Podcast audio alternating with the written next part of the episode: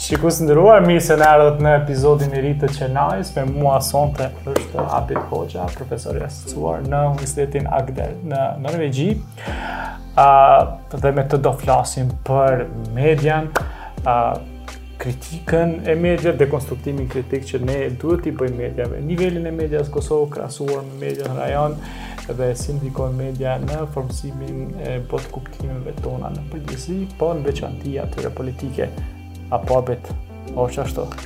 Tema shumë të mëdha. Tema të mëdha, po për gjys ore se di a kemi mujt me asaj. Shohim. Shohim, fillojmë. Po. Shikus të nderuar, mirë mbrëma dhe mirë se erdhët në epizodin e ri të Çelnajës. Ashtu siç njoftova më herët, me mua sonte në studio është Abit Hoxha, profesor asistues në Universitetin Agder në Norvegji. Abit, mirë se na erdhe. Mirë se gjeta, knaqësi e veçantë jam këtu. Kënaqësi është dhe për neve se ti je i shpis diqysh, po mendoj që je zvonkeri dhe je jonë po, je mysafir në po, shpi. Po. Mirë Abit, na kena zgjedh një temë e cila është preferencë edhe imja edhe jotja edhe pse nuk do të folmi për Vegetën dhe intelektualin sonte, edhe pse do ishte një temë mirë edhe ajo për ta bisedu. Po sonte do folmi pak për media. Okej, okay, media është një koncept shumë i gjanë. duke fillu që nga ligjërimet antike, le të themi fetare, deri te social media, sot që kemi, është një botëkuptim shumë i gjerë. Po, në kët përvojën tënde, hulumtimet e tua që ke bë, ligjërimet që i bën në Norvegji, ç'është mediumi për ty, ç'është media në kuptimin shumës të fjalës. Në fakt, me krejt këtë prezantimin që e bane, mendoj se është mirë të kthehemi në bazën, në pikën kryesore, edhe ta thjeshtësojmë krejt, ta çmontojmë, ta çmontojmë. Po. Ë, vetë fjala media, do të thotë ndërmjetësim. Ndërmjetësimi i mesazhit mes ë dërguesit mesazhit edhe pranuesit mesazhit. Kjo zaten është edhe teoria. Um, media ka një rol shumë specifik në shoqni, e kjo është t'i verifikojë informatat. Për ata dhe quhet pushteti i 4, i cili është i pavarur, edhe duhet të jetë i pavarur prej të gjitha pushteteve tjera. Arsyja pse e qujmë media është sepse ndërmjetëson tani mesazhin që një politikan, një autoritet e ndërmjetëson atë mesazh duke verifikuar, verifikuar dhe verifikuar, them qëllimisht 3 herë, um, dhe për t'ia servuar uh, publikut. Tani çka bën publiku me këtë informatë është uh, ndihma që i jep media, i jep për të marrë vendime të informuara. Në demokraci, në shoqni demokratike, kjo është esenciale. Vendimet e marrura nga populli ose nga trupi votues ose nga audienca duhet të jenë të mirë informuara. Kjo është roli në esencë i medias dhe kjo është media. Kur na vjen në kokë fjala media, na na vjen edhe kjo ide e manipulimit, domethënë. Ë A kemi sot media, po them a kemi sot media, domethënë, ku e shef, si me thënë, këtë pikën, pikëprerjen, deri ku është mediumi, deri ku është manipul, prej ku fillon manipulimi? Uh, ke drejtë kur thu se një mori produkt është, hyn media, edhe billboardat, edhe biznis kartat. Ëm edhe Netflix, edhe Spotify, edhe Bravo, gjitha këto janë entertainment media po, që është po. Po. Definitivisht. Po çka do të thosha është se ë gjithmonë media do të ndahet simbas rolit që ka, argëtues, informues e tjera. Ëh, mhm, okay. Ë këto pjesë tjera janë shumë interesante dhe janë shumë të rëndësishme për shoqërinë, sidomos argëtimi, filmi, teatri, muzika e tjera. Edhe këto informojnë. përveç se nuk kanë qëllim vendimmarrjen. Vendimmarrjen e them politike, kanë qëllim vendimmarrjen tjetër. Një vendimmarrje për shembull se çka do të veshim ose çka do të çka dëshirojmë të kemë, të veshim. Studimet kulturore fokusohen mjaft shumë në këtë aspekt, në aspektin e përfaqësimit. representation. Dhe, Do të thotë, um, po tash ku ndahet kjo pjesa e mediumit, informues dhe, si të them ashtu, propagandues, ose diçka të tillë, është pikërisht ajo që unë thashë tri herë, është verifikimi. Um, secili inform, secila informatë, e cila plasohet prej një institucioni, me qëllim të informimit publik, e nuk kalon nëpër filtrat e Një pushteti të katërt, një ndërmjetësimi, llogaritet si komunikim strategjik, me thënë ashtu ma butë, po nëse vjen prej qeverive dhe prej autoritetit, prej autoritetit të them si edhe konceptual ashtu, s'ka rëndësi nëse është qeveria ose parlamenti ose një korporatë e madhe, është një autoritet. um, bjen pothuajse automatikisht nën atë definicionin e propagandës në njëfarë forme, nëse dojmë të folim me, me, me terminologi pak ma të luftës së ftohtë. Po, është komunikim strategjik. Dallimi qëndron te verifikimi. Nëse verifikohet si informatë prej burimeve të pavarura ndaj njëna-tjetrës, atëherë kjo është informatë e verifikuar edhe kalon në atë pjesën e, e informatës. Ndërsa nëse plasohet vetëm për qëllim të ndërrimit mendjes, uh mhm. -huh. ndikimit politik, e politik nuk e them unë veç në, në kontekstin e institucional politik, po e them unë politik në kuptimin e fushatës, për shembull Nike ose për shembull një fushatë për parandalimin e prerjes pyjeve ose një fushatë për parandalimin e dhunës në familje e tjera. Krejt kjo është komunikim strategjik. Është interesant se kjo pjesa tash e medias informuese ka pësu një ndryshim drastik kohëve të fundit, sidomos 10-15 vjetët e fundit. Sipas hulumtimeve shkencore që i kemi ba me projektet e Unionit Evropian, me cilat unë mirrem, um, kemi gjetë, një prej gjeturave ma interesante është se shumica e kontentit në mediat informuese, Tani vjen nga komunikuesi strategjik. Është content, si informatë është e, si me thanë shqip, curated, është e kurume. Kuruar. është e kuruar. Um, e them është e kuruar sepse është uh, informatë e cila ka kalu nëpër një dhomë editoriale paraprakisht në filtra, në filtrat editorial, para se të publikohet ose para se të ipet një gazetari për ta verifikuar si informatë. Shembulli është se kontenti që vjen prej konflikteve në botë, prej Burundit, prej Kongos, prej Izrael, Palestin, Siri e tjera, që janë pjesë e studimeve të mia të doktoraturës. Nëse i sheh burimin e parë të një histori, burimin e dytë ose të tretë, gjithmonë vjen prej komunikuesve strategjikë, Dhe burimi i informatës si i tillë është kontent i cili ka kaluar nëpër filtrat e kurimit. Sot, media publike a ka rol edukues për qytetarin? Çfarë roli ka? Çfarë agjende ka media publike? Po flas për në Kosovë, baz, bazum në vëzhgimet e tua, hulumtimet e tua. Do të thotë se transmetuesit publikë nëpër Europë kanë ra në shiqueshmëri edhe në besueshmëri kohëve të fundit. Mhm. Kjo nuk është vetëm zhvillim në Kosovë, por zhvillim edhe në Britani të Madhe, edhe në Gjermani, edhe në vende tjera. Transmetuesit publikë tashma nuk shihen si media e pavarur, Mhm. Edhe nuk as nuk pretendojnë të jenë media e pavarur. Por megjithatë e ruajnë një farë pavarësie editoriale, redaktuese, që lajmet e transmetuara të jenë të verifikuara. Po kjo është esenciale, esenciale, ndërsa qëndrimet politike editoriale mund të jenë të ndikuara prej politikës shtetërore ose publike ose tjera.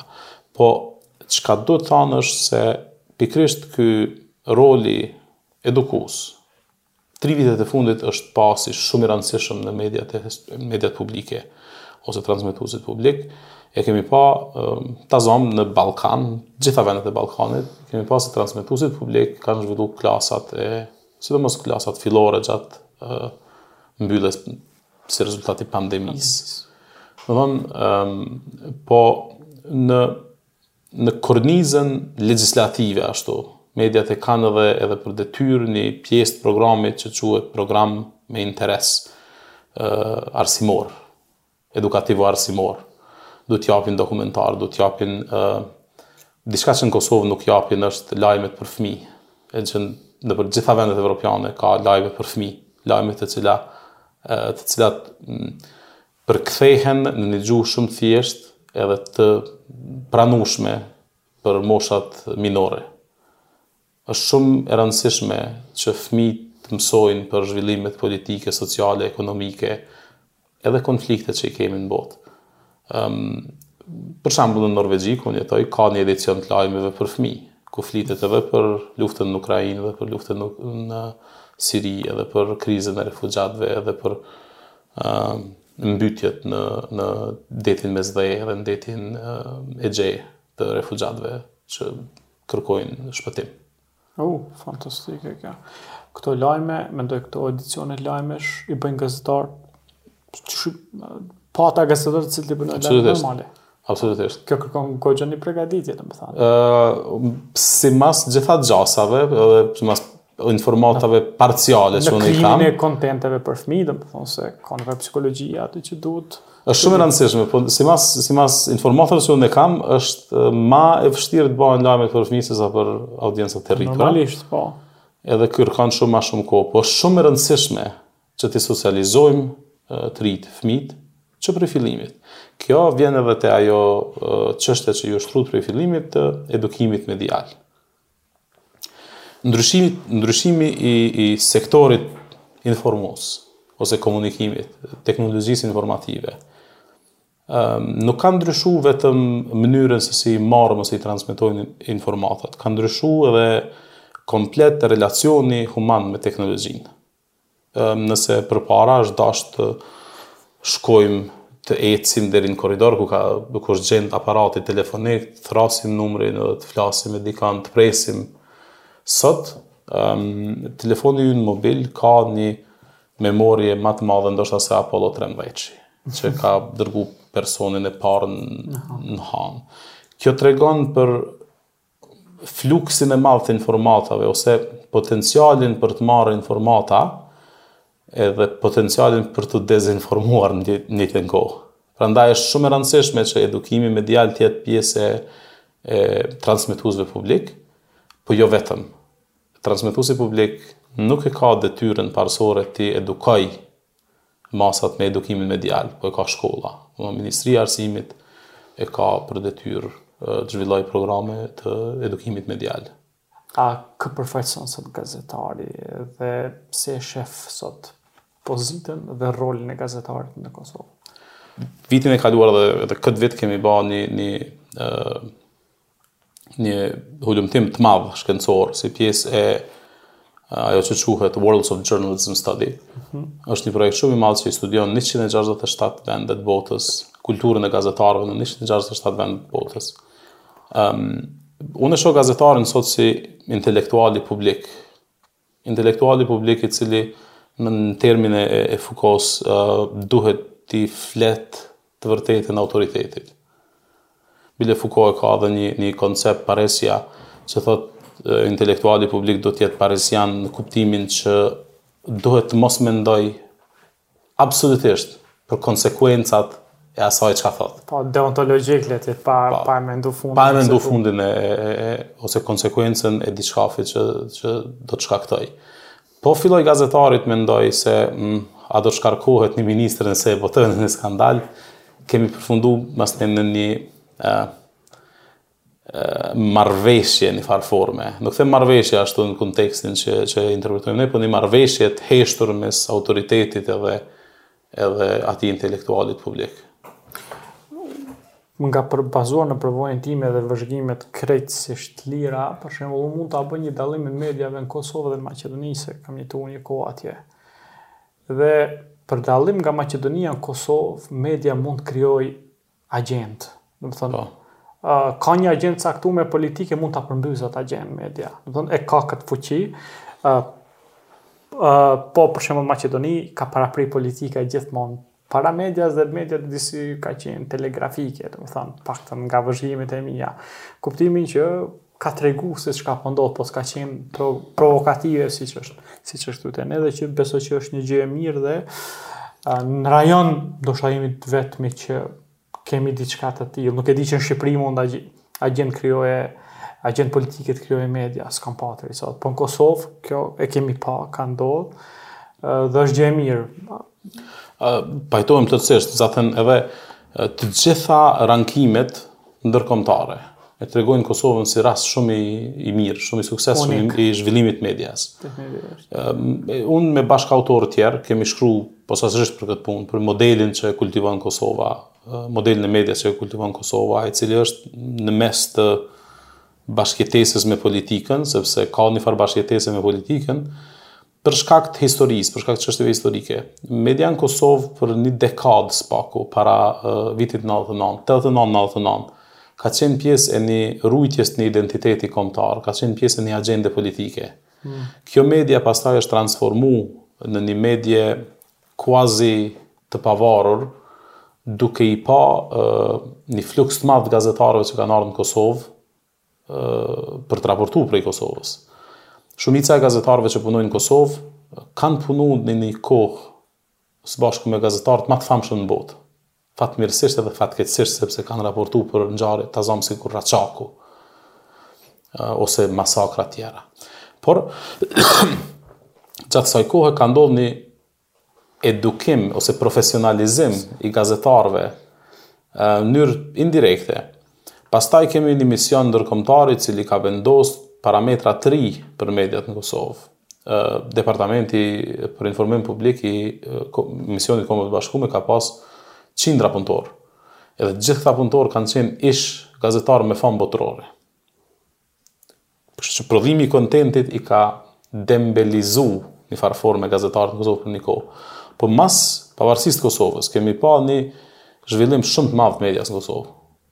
Televizione të reja, private, gazetarë të ri, çka edhe jep shumë kolorit skenës gazetari, gazetarisë në Kosovë. Cila është arsyeja, prezenca ndërkomtare tek ne? Cila është arsyeja që neve na ka sjellë në këtë pikë? Ne kemi dhe Shqipërinë, ne kemi Maqedoninë, kemi Serbinë, Serbia është më për momentin.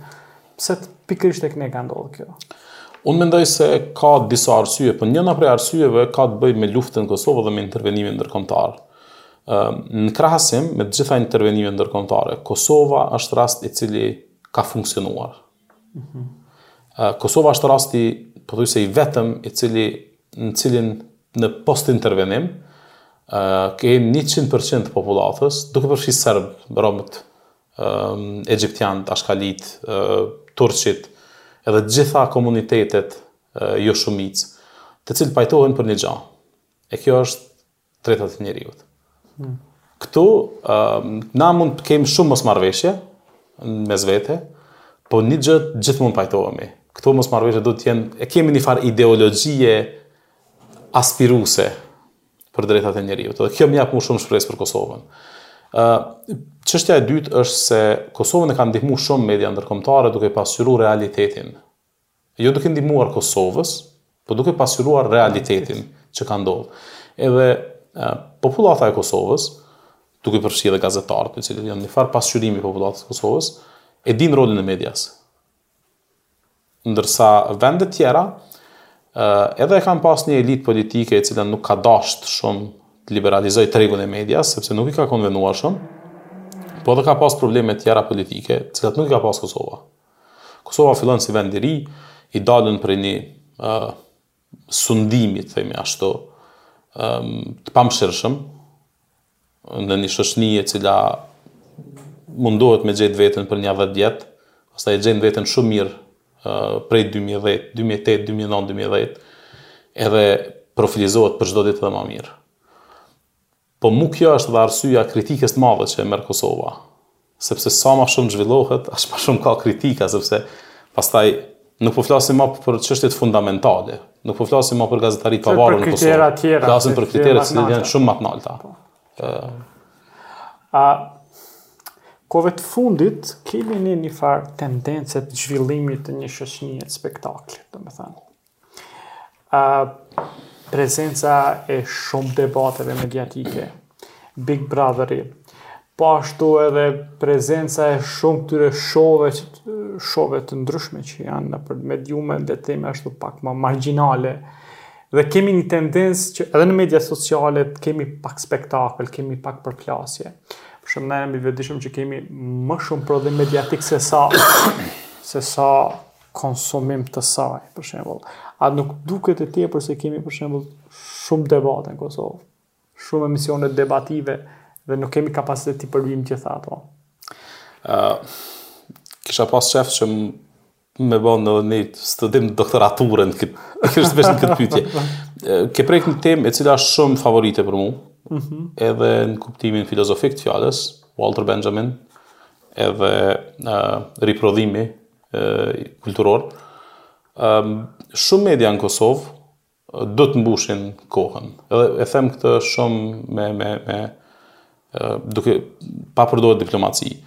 Do të mbushin kohën. Edhe çështja më e lehtë të mbushet koha është me debate.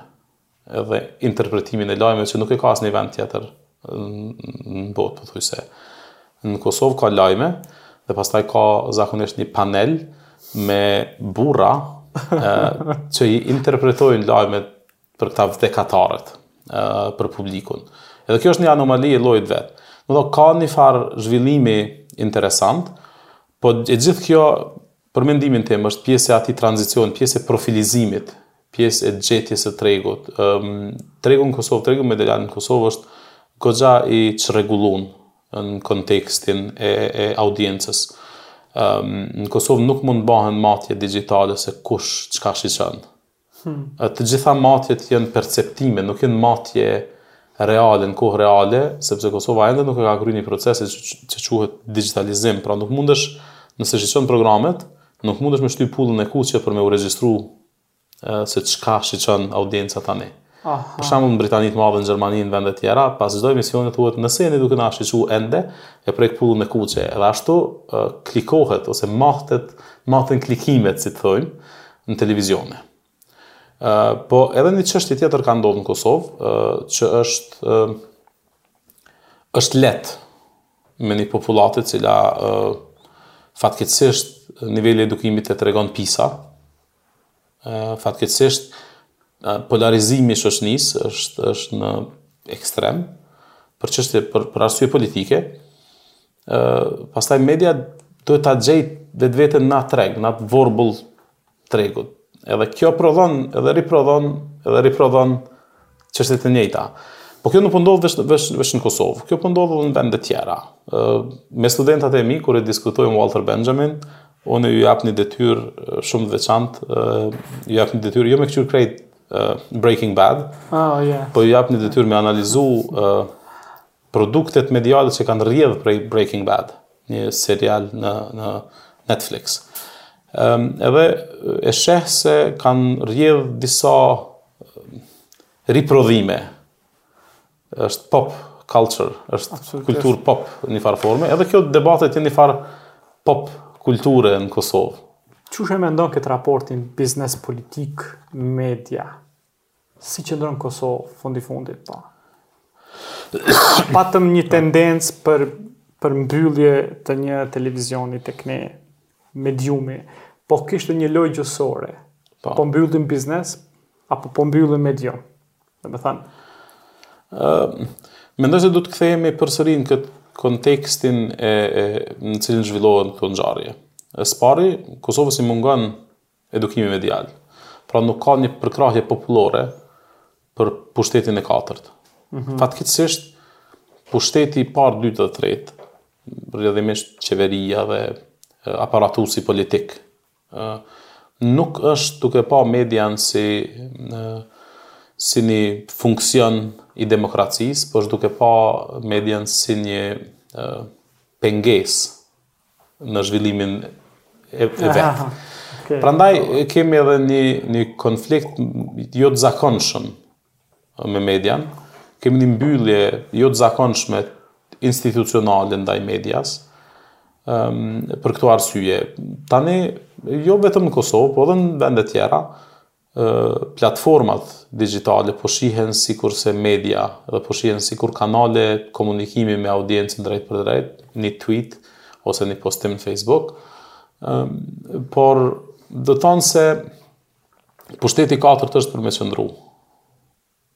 Dhe pushteti i katërt është fronti i fundit i demokracisë. Demokracia e një vendit është po aq e mirë sa edhe liria e mediave.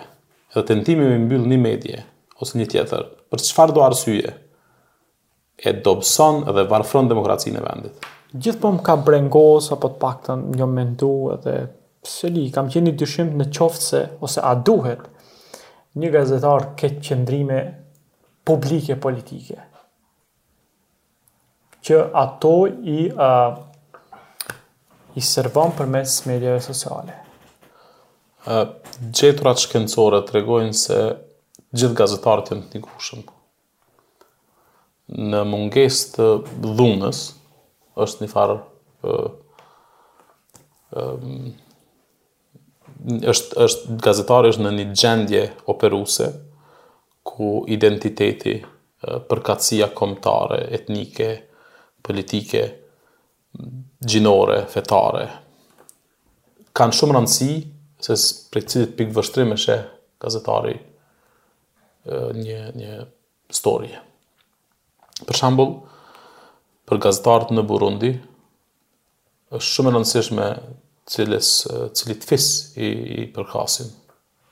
Për shembull për gazetarët në Kosovë, ti mundesh me qenë shqiptar dhe mundesh me qenë shumë i pavarur, po nëse interviston një familje serbe në veri, nuk është shumë e rëndësishme sa i pavarur je ti. Është shumë e rëndësishme sa ata të shohin ty si pavarur apo jo. Mm. Domthon deshe apo nuk deshe, një gazetar e ka një farë agjende politike. Po shumica e gazetarëve nuk e vëjnë këtë axhendë në funksion të mbledhjes të fakteve. Domethënë edhe pse në kushte të jashtëzakonshme, në shoqnitë postkonfliktuoze, çfarë jemi dhe ne. Gazetarët e kanë një tendencë që t'i që t'i bajnë këto funksionale ma tepër këto identitete. Domethënë për gazetarët në Kosovë shumë e rëndësishme mirëmbajtja e demokracisë. Se ku ta përmenda ma herët Maqedoninë, për shembull, Maqedoni kom has paktën ka pala maqedonase, se shqiptarët ne jemi ndikuar, kemi qenë ndikuar, jemi ndikuar nga Kosova. Gazetarët nuk mbajnë qëndrime politike, as nuk i shprehin ato për ta ruajtur një lloj neutraliteti të tyre. Mbajnë qëndrime etnike.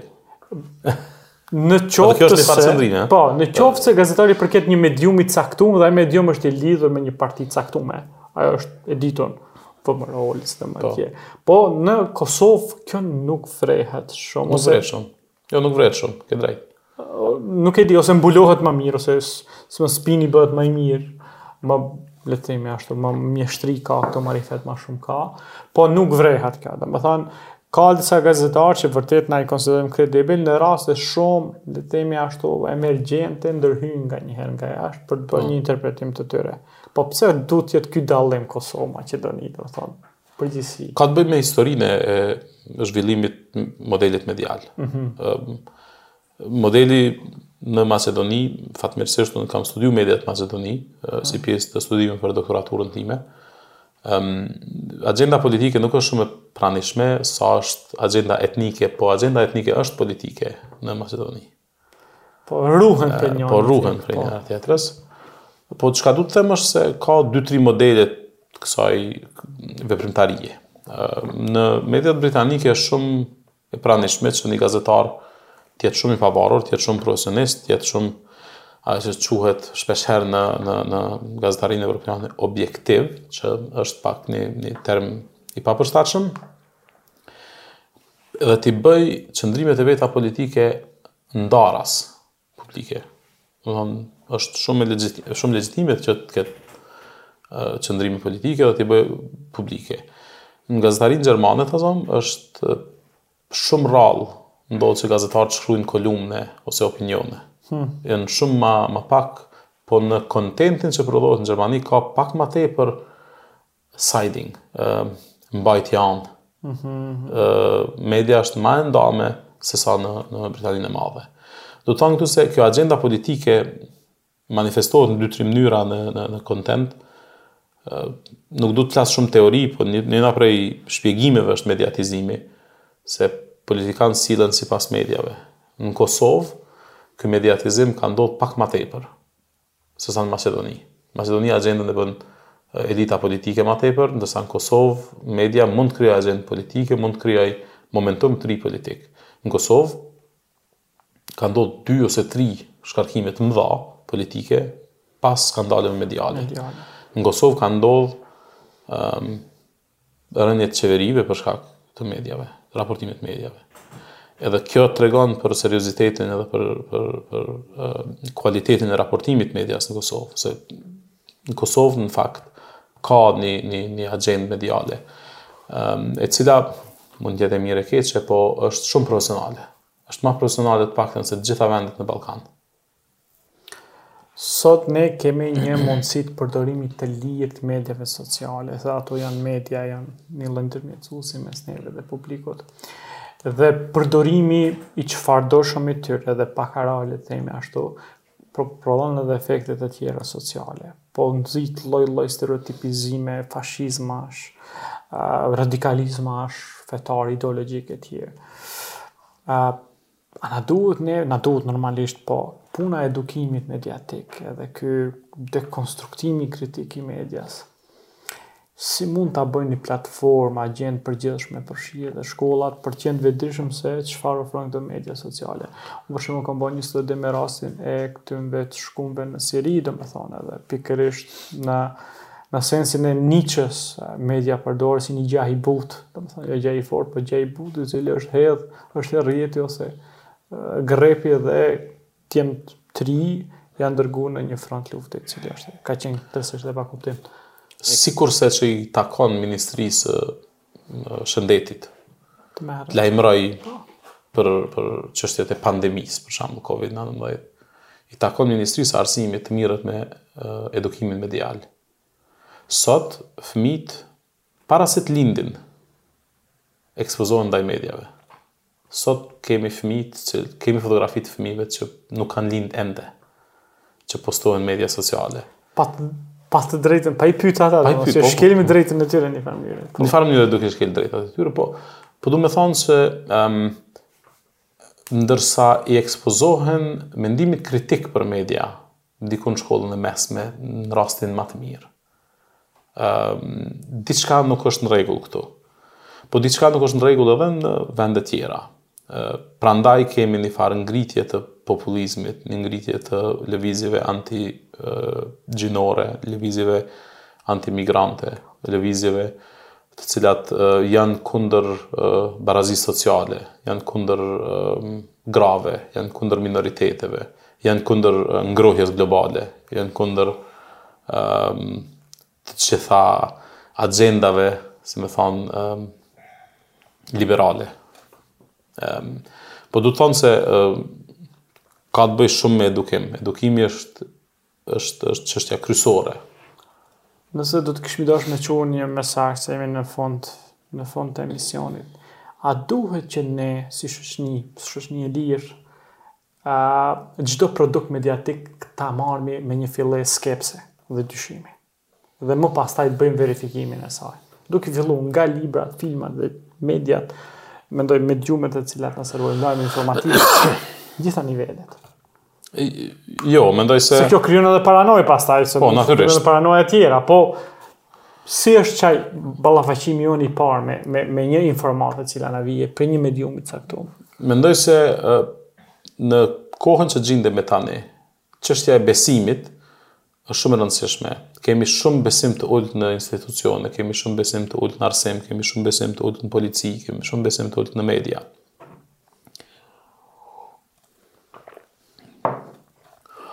Nuk mendoj se duhet të merren të gjitha produktet mediale me skepticizëm, mendoj se duhet ditur cilën media ta selektojmë për cilën informatë. Mm -hmm. Sikurse ta personifikojmë këta me një shembul, një fmi mund të ketë një iPad, ose një tablet çfarëdo lloj, um, Edhe mund të shiqojë gjithçka në taj, në tablet. Çështja është e kontrolit se çka, për çka e përdor një tablet. E përdor për YouTube, me pa filma vizatimorë, e përdor për kalkulus, me mësu matematikë, e përdor për FaceTime. Hmm. Um, ne duhet të jemi në gjendje të kemi kontrollin se çka fëmijët tonë shiqojnë në tablete. Sikurse të rriturit që duhet të kenë kontrollin se çka shiqojnë për cilat lajme.